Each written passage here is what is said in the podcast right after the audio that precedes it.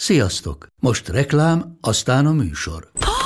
Hú, de szép szőnyeg. Új. Igen, tegnap vettem a Diégóban. Ó, és ez a függöny, de szép. Diégó! És hamarosan lesz új laminált padló a hálóban. Rátszakott a bank. Csak regisztráltam Diégó digitális klubkártyát vásárlás előtt. Csináljunk neked is egyet? Csak egy perc és kész. Regisztrálj te is áruházainkban, vagy a diego.hu oldalon, és azonnal megkapod digitális klubkártyádat, melyel akár 30% kedvezménnyel vásárolhatsz padlóburkolati és lakástextil termékeket. Diego.hu Már meg is kaptam e-mailben. Ez reklám volt, jó volt.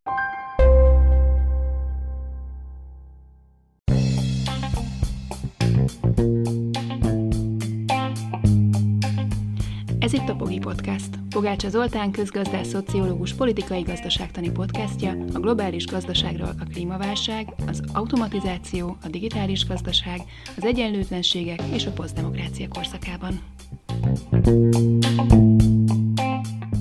Miklós László közgazdász írt néhány cikket a sajtóba, ami arról szólt, hogy a kormány által bevezetett kiskereskedelmi adók hogyan dobták meg az inflációt Magyarországon, különösen az élelmiszer inflációt. Ennek kapcsán beszélgetek vele, de a beszélgetésből fényderül arra is, hogy tulajdonképpen a magyar kormány egy zseniális trükköt alkalmaz, ahelyett, hogy azt csinálná, amit Nyugat-Európában, általában az Európai Unióban sok ország kormánya alkalmazott, hogy adócsökkentéssel próbálja meg visszafogni az inflációt, ehelyett adót emel, de nem direktben a lakosságon emel adót, hanem a multinacionális cégeket adóztatja meg, de olyan formában, hogy ezeket az adókat ezek a cégek egyébként utána átrakják a fogyasztókra, továbbadják, azaz tulajdonképpen a nap végén mégiscsak a fogyasztókat adóztatja a kormányzat, de úgy tűnik a fogyasztónak közben, hogy ő meg van védve, hiszen ársapkákat vezet be a kormány, és az árakat a cégek emelik, miközben a száremeléseknek egy jelentős részét tulajdonképpen ezek az extra adók indukálják, és közben pedig, mivel ársapkákat vezet be a kormány, ezért nincs szüksége arra, hogy szociális támogatásokat adjon a legszegényebbeknek, tehát a költségvetésből nem költ, hanem ráterheli direkt módon a multikra, indirekt módon pedig magukra, a fogyasztókra a szociálpolitikát. Szóval ez az érdekes trükk is kiderül a beszélgetésből Miklós László közgazdásszal.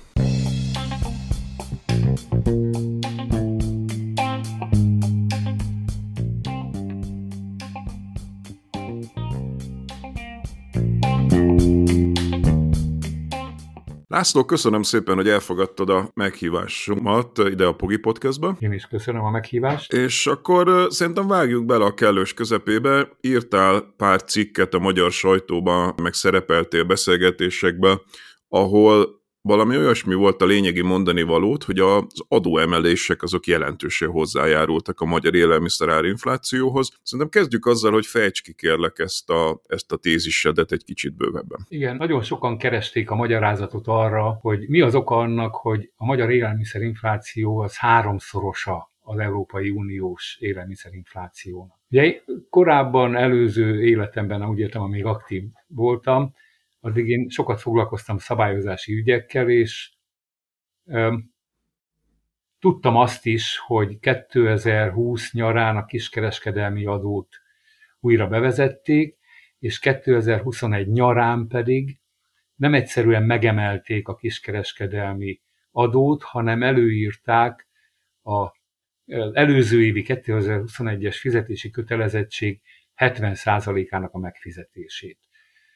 Ugye ez az adó, ez a kiskereskedelmi adó, ez egy árbevétel arányos adó. Ugyanúgy viselkedik, mint az általános forgalmi adó, bármennyire is a kormány ezt az úgynevezett extra profit adóba nevezi, mint ahogy extra profit adónak nevezi a, a, az úgynevezett Ryanair adót, ami egyszerű belépődíj, tehát az is egyfajta fogyasztási adó.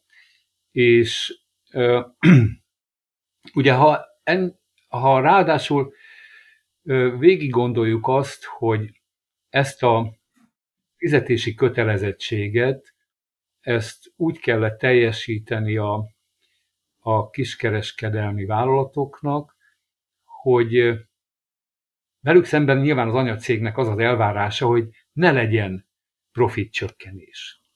Akkor nem nagyon tehetett mást, mint hogy ezt a költségnövekményt, ezt az árakban érvényesítette.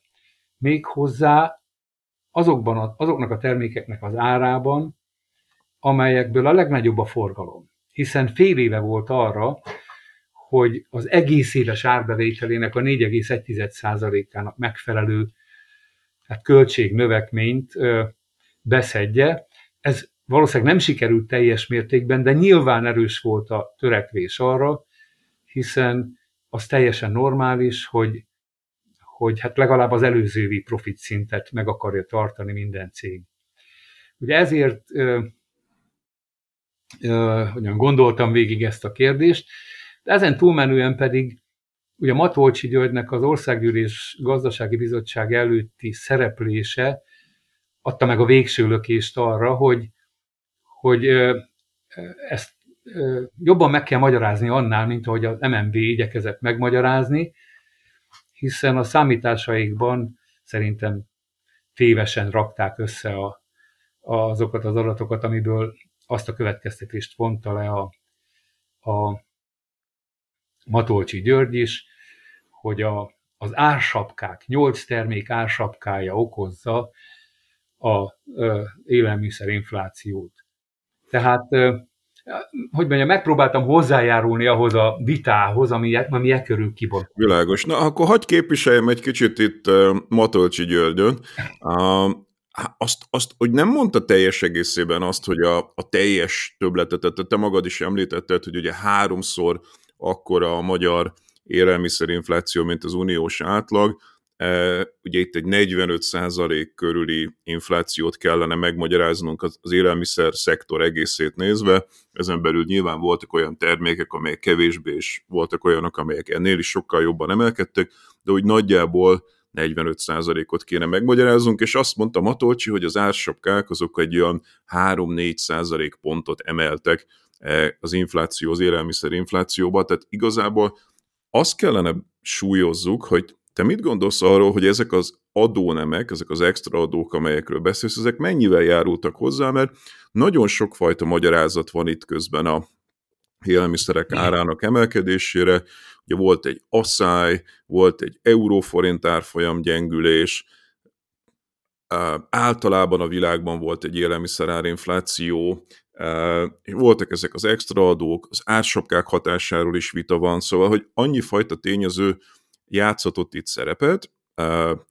Egyébként, amiről nem beszélnek, az például az e, magyar, e, magyar élelmiszer szektornak, vagy a magyar mezőgazdasági szektornak a potenciális hatékonytalansága. Tehát, hogy sok minden van.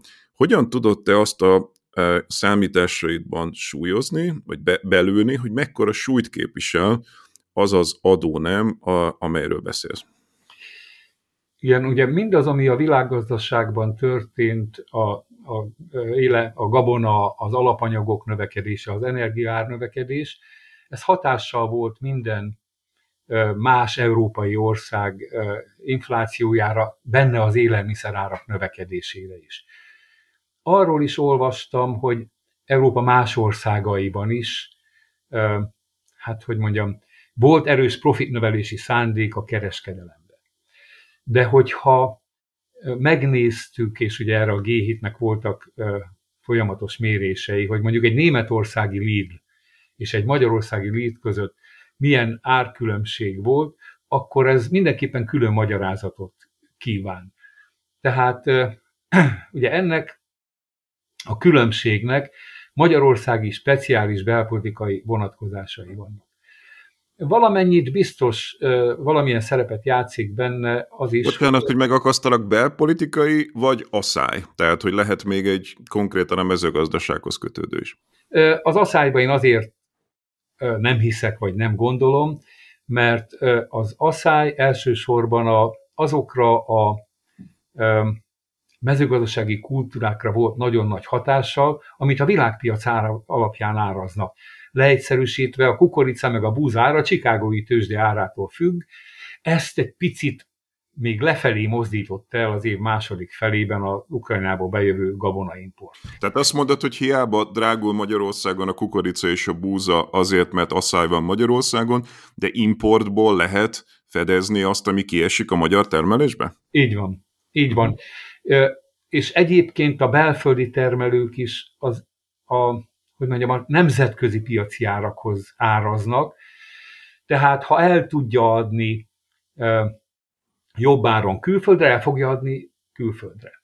Valamennyi különbséget ilyenkor a fubar, meg az adminisztráció, stb. jelenthet, de ez nem olyan lényeges, ami érdemi eltérést okozhatna.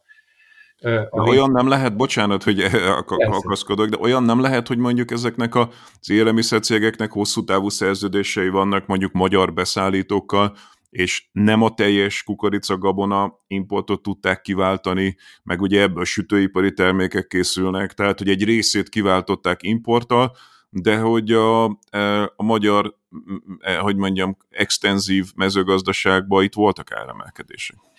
Igen, ez bizonyára így van, hiszen a szerződéses rendszereket nem szokták fölrúgni, ezek időben elmozdíthatják a, a hatás érvényesülését, de ha megnézzük az élelmiszer infláció alakulását, akkor hát egészen tavaly tavaszig, február-márciusig nagyjából együtt mozgott a magyar élelmiszer infláció az európai átlaggal. Ez Egy kicsivel volt nagyobb, Igen. onnan lódult meg nagyon jelentősen, az elején még csak azért, mert a 2020 nyarán, szintén az év közepén bevezetett kiskereskedelmi adónak nyilván van egy áthúzódó hatás abban az értelemben, amiről az imént beszéltünk, hogy a szerződéseket meg kell várni, míg kifutnak, újra kell kötni, stb. stb. De igazán lendületet a magyar élelmiszerinfláció tavaly júliusba vett, amikor a júniusban hirdette ki a kormány ugye azt a rendeletet, amivel előírta a már említett plusz ö, ö, hát, tehát a 4,1%-ra emelte a kiskeradót, és előírta a tavalyi fizetési kötelezettséget az előző évben befizetett kiskeradó 70%-át.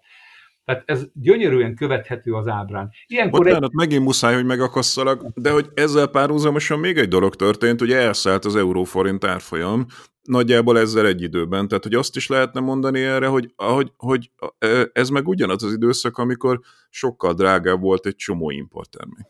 Igen, ugye én magam a cikkbe is, talán a címbe is azt mondom, hogy az általános, vagy a, a forint gyengülés, a,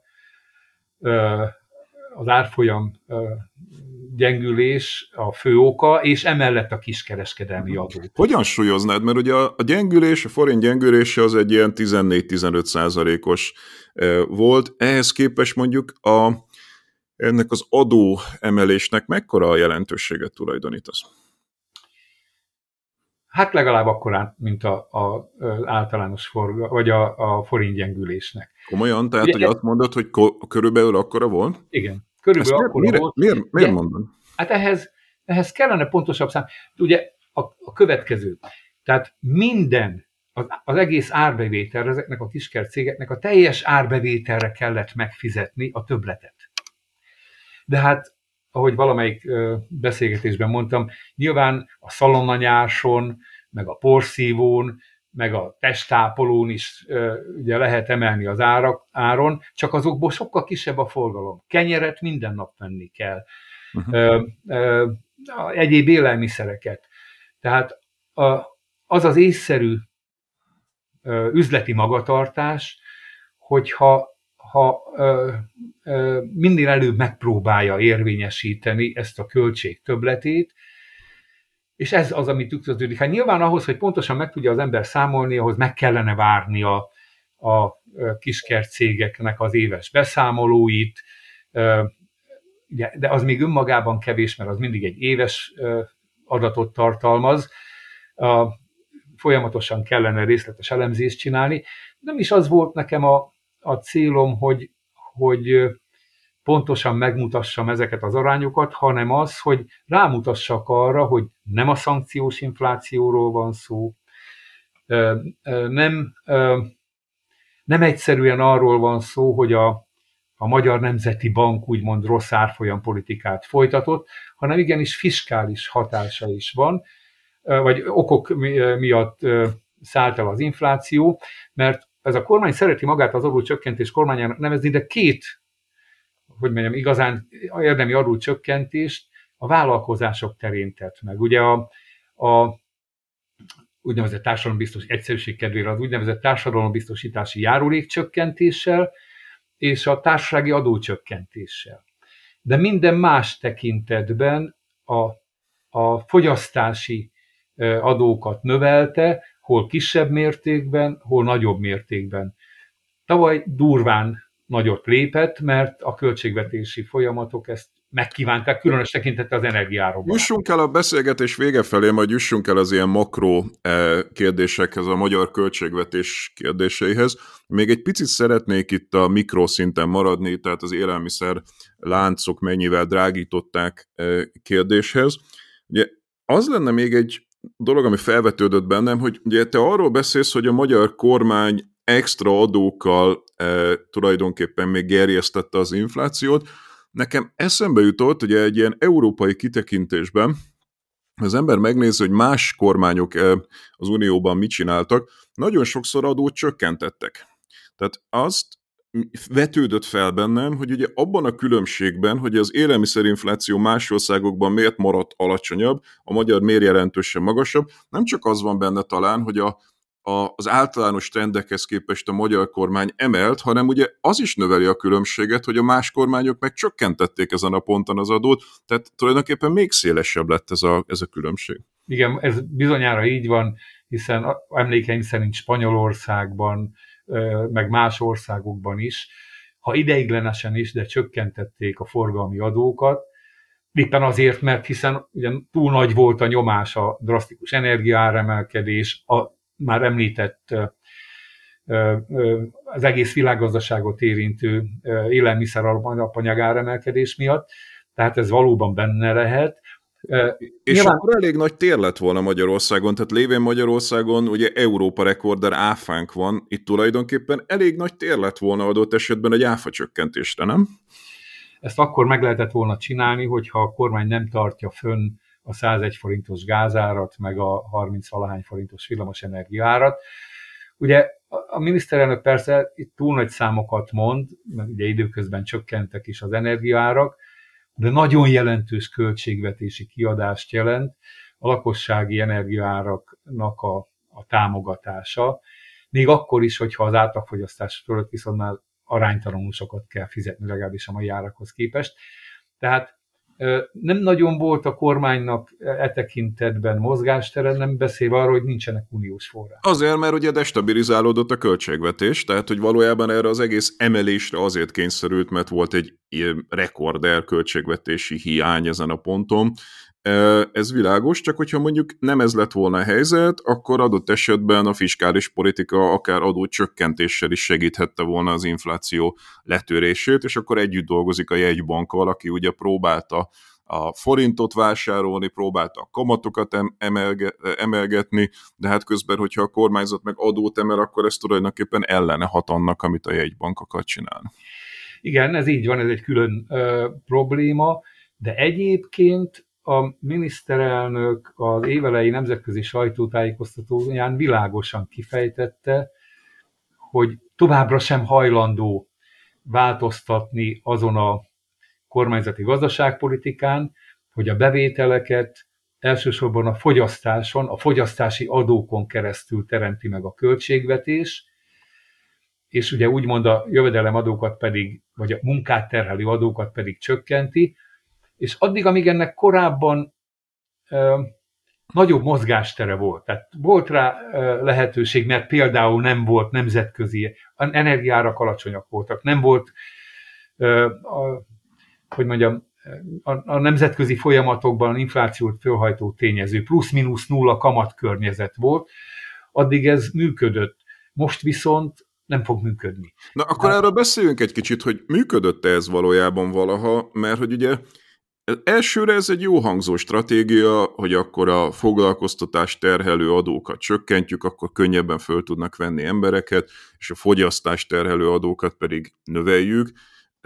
De hogy valójában ugye ez nem egy új politika Magyarországon. Tehát ez a külön adós történet, ez gyakorlatilag 2010 óta benne van a magyar rendszerben, néha jobban, néha kevésbé, de hogy azt nézegettem, hogy ha ugye a magyar adórendszert nézzük, akkor ugye vannak ezek a különadók, amelyek kétségtelenül, hogyha bevezetésre kerülnek, akkor megdobják az inflációt, de hogy a teljes adóterhét a magyar vállalkozásoknak valójában nem lehet túlságosan magasnak nevezni, mert hogy az történik, hogy a rendes adónemek, tehát te is említetted, hogy ugye a társasági adót azt rendkívül alacsonyra levitték, a, a, a TB hozzájárulást, egy csomó minden, és tulajdonképpen behoztak mellé ilyen különadókat, amik aztán tulajdonképpen állandó adókká válnak egy idő után, és hogyha a, a költségvetés egészében, vagy a GDP egészében nézzük ezeket a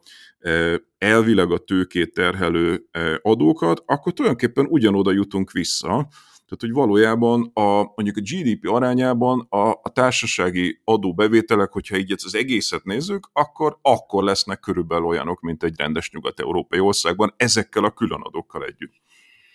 Igen, ö, ö, azt hiszem a cikkemben is úgy fogalmaztam, hogy, hogy 2010-ben még Matolcsi által elindított különadó rendszer az egy fontos irányváltás volt szerintem gazdaságpolitikai szempontból, amennyiben a korábbi kormányok minden költségvetési nehézséget kiadás csökkentéssel igyekeztek megoldani. A ö, Orbán kormány pedig bevételnöveléssel. Az bizonyosodott be az elmúlt időszakban, hogy a bevételnövelést jobb, mint a költségvetési adók növelését és a költségvetési bevételnövelést, azt jobban elviselik az emberek, mint a juttatások és a kiadás csökkentését. Ugye az ráadásul ezt kommunikáció szempontból kitűnően építették föl, segített nekik a mondjuk úgy, hogy a, az ellenzéki közvélemény, mert unortodox gazdaságpolitikáról, stb. beszélt, és ezeket a külön adókat a mai napig úgy fogalmazza a kormány, hogy ö, ugye extra profit adó, annak idején másképp nevezték, de egy multiadónak nevezték. Tehát egyszerre tudta azt elmondani, hogy ő a multikat adóztatja meg a különadókkal, mint ahogy most extra profitadóról beszél, pedig kifejezetten fogyasztási adókról van szó. Tehát egy kommunikációs, hogy mondjam, akcióval még mentesíti is a kormány magát az alól, hogy, őt, hogy, hogy ő az oka akár az inflációnak, akár az adónövelésnek. Sőt, hát ugye a választások előtt kifejezetten az adócsökkentés kormányának nevezte magát a kormány, azért, mert ugye egyébként a tőkét terhelő adókat csökkent. Világos. De egy kicsit nézzünk ennek mögé, mert ugye azt mondtad, hogy kiadásokat nem szeretnek csökkenteni. Ez igaz, de közben meg elinflálják azokat. Tehát explicit csökkentés tényleg nincsen, csak szépen lassan elinflálnak egy csomó szociális juttatást, tanárok bérét, stb. stb.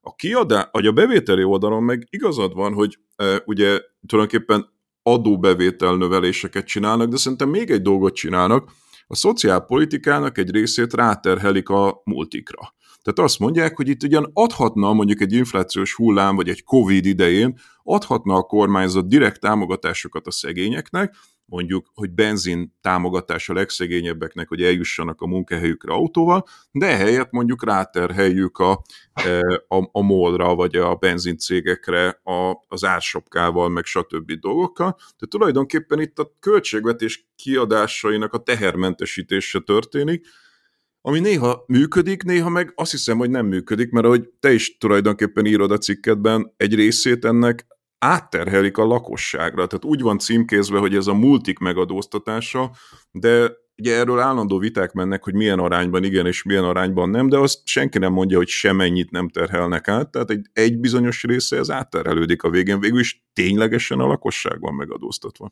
Így van. Időkérdése teljes mértékben átterheli. Tehát én elég sokat dolgoztam hogy mondjam, az üzletben, meg a vállalatoknál egy az egybe átterhelik. Van egy időbeliség. Nem lehet már hónapra mindent meglépni, mint hogy fordítva is, amikor kedvező adólépés van, ott se azonnal juttatja érvényre. Tehát ez egy mert hogyha azonnal meglépnéd, akkor túl átlátszó lenne, hogy átterheltem? Tehát, hogy a cég ilyenkor úgy viselkedik, hogy vár egy kicsit és szép stikában átterheli? Igen, hát ugye van, ahol ezt elnézi a lakosság, ilyen például az üzemanyag. Uh-huh. Egyébként ásapkákban óriási különbség van, a, lehet, hogy a következő cikket erre fogom írni, hogy milyen különbség van a, az ásapkák között, az energia, villamos energia, meg gázár, a, az üzemanyag ársapka, meg az élelmiszer ársapka között, mert teljesen más metódust alkalmaz a kormány. Ugye a, az ener, a villamos energia, meg a, a gáz ársapkáknál, vagy hatósági áraknál egyfajta hosszabb időn keresztüli kiegyenlítő mechanizmust és a veszteségeket költségvetésből pótolja az érintett cégeknek, vagy egy későbbi árnövelés révén. Az üzemanyag arról volt szó, hogy én úgy szoktam fogalmazni, hogy a háborús járadékot osztotta meg a kormány közvetlenül a, a lakosság és a MOL között. Amikor megszüntette, akkor értelemszerűen ezt a háborús járadékot, amiért annyit küzdött a miniszterelnök, másfél milliárd dollár körülbelül évente, azt a költségvetésbe csoportosítják át. Az élelmiszerársapka az meg nem kerül semmibe a költségvetésnek, azért, mert úgy áthárítják, ha, ha, ha ez így nem teljes... Nem kell adni a szegényeknek támogatást. Így van. Így van, nem kell adni a szegényeknek támogatást. Na most az viszont megint az Orbáni kormánypolitika egyik alapeleme, ha lehet mondani a jobboldali neoliberális kormánypolitika alapeleme, amit ugye Orbán mindig a munkaalapú társadalommal szokott jellemezni, meg, és ennek minden vonatkozását érvényesíti, hogy, hogy mondjam, mindenki felelős magáért, és, és annyia van, amennyi az államnak nem kell gondoskodnia nem hogy a szegények ellátásáról, hanem még az idősek meg a betegek ápolásáról sem. Tehát... Ez most már explicite ki is van mondva, hogy a, a szegényekért való felelősség viselés első számú felelőse az a család. Igen, de hogy egy, egy új elemet mondjak, ugye Csák János miniszter, aki egyébként a kultúra nagy barátja, hiszen maga korábban még fordított is, kimondta, hogy hát a, a kultúra az nem olyan dolog, amit az államnak kellene finanszírozni. Igen. Maguk a fogyasztók finanszírozzák a kultúrát, Hát Margaret Thatcher tapsikál örömében, eh, amikor ilyeneket hall. Igen, tehát ugye az elmúlt években minden elemében kiteljesedett eh, az a jobboldali gazdaságpolitika, ami, ami eh, hogyha nagyon egyszerűen akarom fogalmazni, a tőke terheit csökkenti, uh-huh. a, a fogyasztás terhelő adókat növeli, azt pedig lehet tudni, hogy a fogyasztási adóknak a, a legnagyobb kárvalottjai a szegények. Na különösen, ha ez inflációval jár együtt, hiszen az infláció a szegények adója, tehát hogyha az alapvető élelmiszerekre, az energiára, a lakhatási költségekre nagyon sokat kell fizetni, akkor nem marad másra. Uh-huh. Tehát, és ugye ez most már... Pillanatra, meg... bocs, igen, mondjon. És ez most már megjelenik a kultúrába is, tehát a, a, a hogy mondjam, az idősek ellátásába, lassan az egészségügybe, ahogy, ahogy a, a fokozatosan tereli át a, a magánegészségügybe, legalábbis azokat, akik ezt megengedhetik maguknak. Ugye, a, a, ahogy említetted, a, a kiadási előirányzatok nem nőnek olyan mértékben, amilyen infláció van. No, különösen nem nő az oktatás, meg az egészségügyre fordított kiadás. Tehát ez persze azt is jelenti, tehát ez, hogy, hogy szerintem a következő néhány évben összehasonlíthatatlanul nehezebb helyzetbe kerül az Orbán kormány, mint az előző tíz évben. Tehát az előző tíz évben a, a kedvező világgazdasági konjunktúra, plusz-minusz nulla kamat környezet, a bőségesen beérkező uniós források, ez most egy se lesz. Uh-huh. És ez, ez, ez ki fogja élezni azokat a problémákat, amiket azt hitte, hogy könnyen keresztül. Világos. Egy picit hadd, el, hadd lépjek oda vissza, hogy ugye azt mondtad, hogy a, a, a, a, a tőkének az adóztatását csökkenti a kormányzat, ami ott explicite látható mondjuk a társasági nyerességadó meg a TB járulék csökkentésénél, de ugye lehet, hogy egy hallgatóban megfogant az, hogy hát ha a beszélgetésünk apropója az, hogy adót emelt a nagykert cégeken, akkor hogy mondhatod azt, hogy a tőkének az adóztatását pedig, pedig csökkenti a kormány? Ezt egy kicsit fejts ki, Ugye a, a kiskereskedelmi adó és más hasonló adók is, azok ugyanúgy viselkednek, mint az áfa. Árbevétel arányos adó. Tehát azt nem a, vállalat, nem a vállalkozás viseli, hanem éppen úgy áthárítja, mint ahogy az általános forgalmi adó. Vagy az olyan tételes adó, mint a népegészségügyi termékadó, amit a szörpöktől kezdve sok mindenre kivet, az pont úgy viselkedik, hogy egy könnyen érthető példát mondjak, mint a benzinnek a a jövedéki adója. Megemelik, akkor a, azt ugyan papírforma szerint a MOL és más forgalomba hozók importőrök fizetik meg, de nyilván a, a fogyasztói árban érvényesítik. Tehát Valójában ezt... az állam kiszervezi az adóztatást a multiknak. Igen, de hát a fogyasztási adóknak tulajdonképpen ez a természete, pláne a többfázisú fogyasztási adóknál, vagy hát ugye a, a, a hatalmas nyári cirkusz, a Ryanair extra profit adó, tipikusan ö, ö, fogyasztási adó, amit, ö, amit meg kell fizetni a repülőtéri belépéskor, a repülőtér üzemeltetője ezt érvényesíti a, légitársaságok felé, és hát nyilván a légitársaságok pedig a, a, fogyasztói árakba. Tehát ez nagyon jó példa, ez nagyon jó példa, mert ugye a Ryanair konkrétan azzal fenyegetőzött, hogy elmegy Magyarországról, nem fog ide repülni többet. Aztán mi történt? Nagy valószínűséggel azt történt, amit mondtál, hogy ráterhelte azokra, akik repülnek, és aztán továbbra is repül Budapestre és Budapestről a Ryanair. Ez a természete, tehát hogy egy másik példát mondjak, a, az úgynevezett tranzakciós illeték. Ugye Magyarországon nagyon drágák a banki szolgáltatások. Hát miért? Azért, mert egyfajta fogyasztási adót vet ki az állam a bankokra, amennyiben a pénzforgalom meghatározott százaléka után adót kell fizetni. Ez olyan, mintha ha kvázi áfát kellene fizetni bizonyos pénzmozgások után, vagy pedig a benzinhez hasonló jövedéki adót, és ezt elnevezi a kormány bankadónak. Tehát szó nincs arról. Van... És aztán megnéztem az év végén, tehát amikor bevezették ezeket, akkor megnéztem az év végén a bankoknak a pozícióit, és hát azt láttam, hogy volt olyan bank, ami nyerességes volt, volt olyan bank, ami veszteséges volt, volt nulla közeli bank, de alapvetően amit ugye a bankszektor akkor mondott, hogy itt mindenki csődbe fog menni, mindenki kivonul, ez nem történt meg, teljesen normális szórása volt a, a, a bankszektor nyerességességének. Sőt, hát Nagy Márton személyesen akkor még jegybanki alelnökként szóvá tette, hogy milyen drágák Magyarországon a banki szolgáltatások. Hát drágák, hogyha egyszer egyébként egy fogyasztási adót kivetnek rájuk, amit ő nyilván a banki termékek, szolgáltatások árába beépít. Természetesen ez bankonként különböző, tehát nem arról van szó, hogy, hogy automatikusan mindenki a pénzforgalomra vetik ki, hiszen az élelmiszer áraknál is nem minden áruházlánc ugyanannyira ad minden élelmiszert. Különböző árésekkel dolgoznak. Ugye nagy a verseny. Ezt hogy nem, folyamatosan figyelemmel kísérik egymást.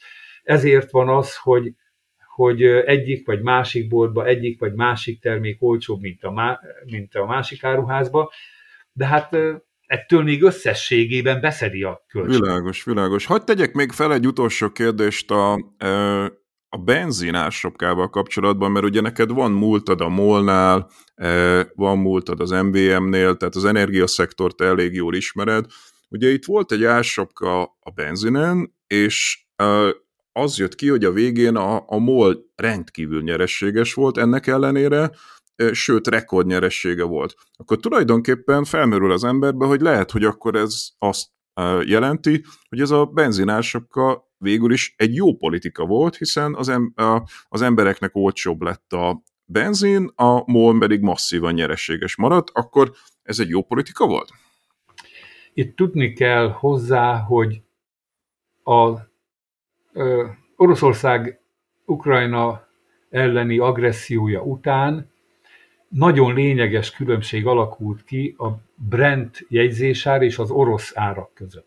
Ez a különbség 30-35 dollár volt, aztán kicsit visszáment 25-re, aztán 30-ra. Most leegyszerűsítve a dolgot, Magyarországon 50 millió barrel nyersolajat dolgoz föl a MOL, az ugye a 30 forintos barrelenkénti árkülönbséggel másfél milliárd dollár extra profitot eredményez. Ez a klasszikus esete az extra profitnak. Mindig is volt különbség a Brent meg a, a, az orosz ár között, de csak egy-három dollár. Ugye nem lehet azt mondani, hogy ezt, a, ezt az árengedményt azért is adták meg az oroszok, hogy tőlük vásároljunk, és ne az Adriáról mondjuk mástól. Tehát ugye itt volt ez a, ez a 30 dolláros árkülönbség, és ezt, ezt osztotta el a kormány a választásokra való tekintettel, ugye 2021 őszén úgy, hogy bevezette, egyébként ügyetlenül, meg több lépésbe, ezt a úgynevezett benzinársapkát. De hát itt annyi történt, hogy egy egyébként fontos költségvetési bevétel hányadott, nevezetesen ennek a másfél milliárd dollár, az tényleg extra profitadó, amit aztán most már el is von, ezt osztotta meg a, a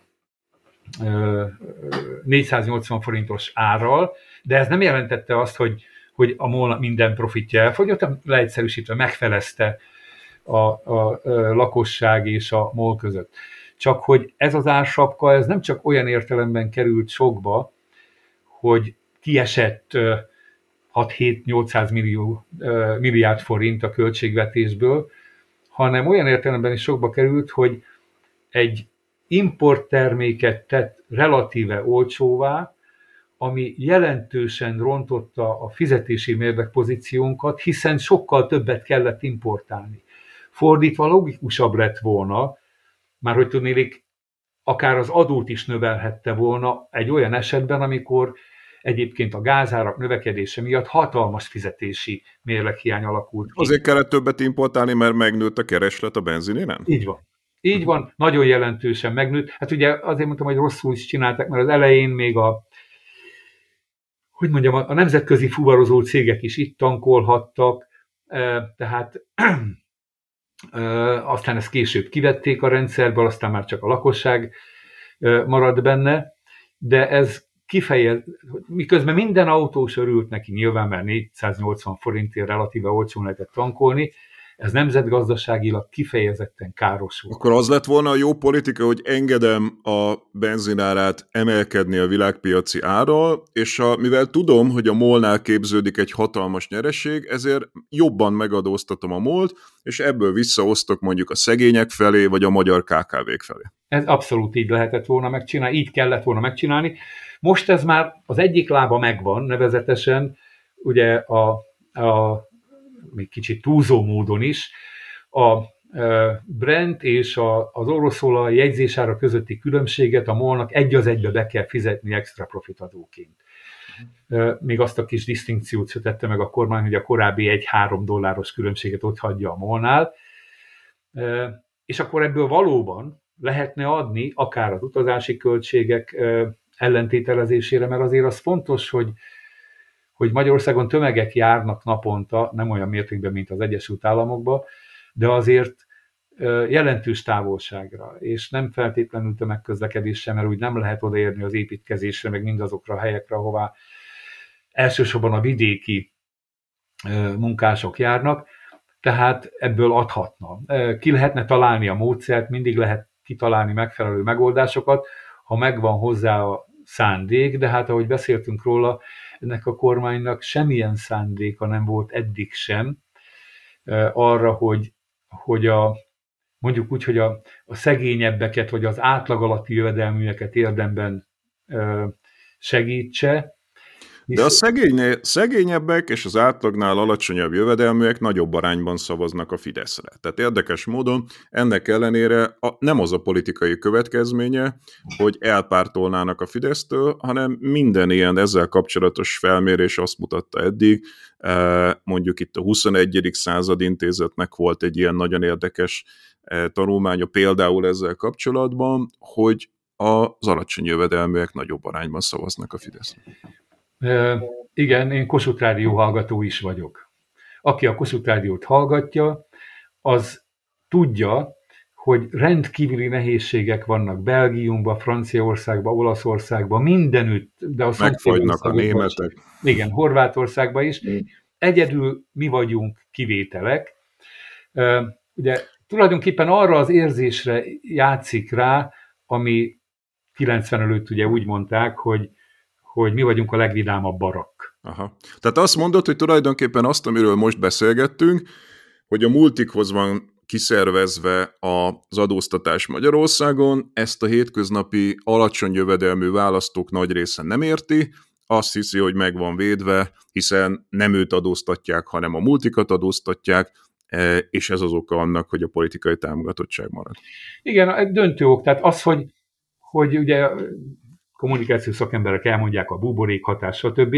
De hát egyébként az a hihetetlen média fölé, hogy hogy mindenhol, de még a zenei rádiókban is, és nem egyszerűen a kormányreklámot lehet hallani, hanem, hanem, hanem értelemszerűen bemondják mindig a, a, azt, hogyha valamelyik miniszter megszólal. Szoktam mondani egy példát, valamikor utána néztem, amikor Szijjártó Péter egy nagy ostobaságot, semmit mondó dolgot mondott a romániai gáz ügyében. 57 médiumban jelent meg ugyanaz a cím és ugyanaz a headline az a három sor. Most uh-huh. akkor én elmondhatom még három helyen rajtad kívül a jött helyen, ja. semmilyen hatása nincs, de ez mindenre igaz, tehát ugye nagyon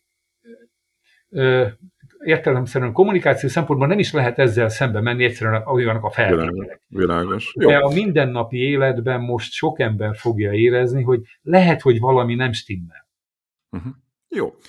Hát akkor azt hiszem, hogy ezt végigrágtuk. Egyrészt beszélgettünk ugye a mikroszintről, tehát hogy hogyan érvényesül ez a nagyvállalat a nagykert cégeknél, a hétköznapi élelmiszerárakban. Egy kicsit beszélgettünk arról, hogy milyen ennek a makroszintje, a költségvetés szemszögéből nézve a dolgokat, a lakosság szemszögéből, és a végén még arra is jutott egy kis idő, hogy azt elemezzük, hogy ez politikailag miért nem megy át ez az egész dolog, ami történik. Miklós László, nagyon szépen köszönöm a beszélgetést. Köszönöm én is.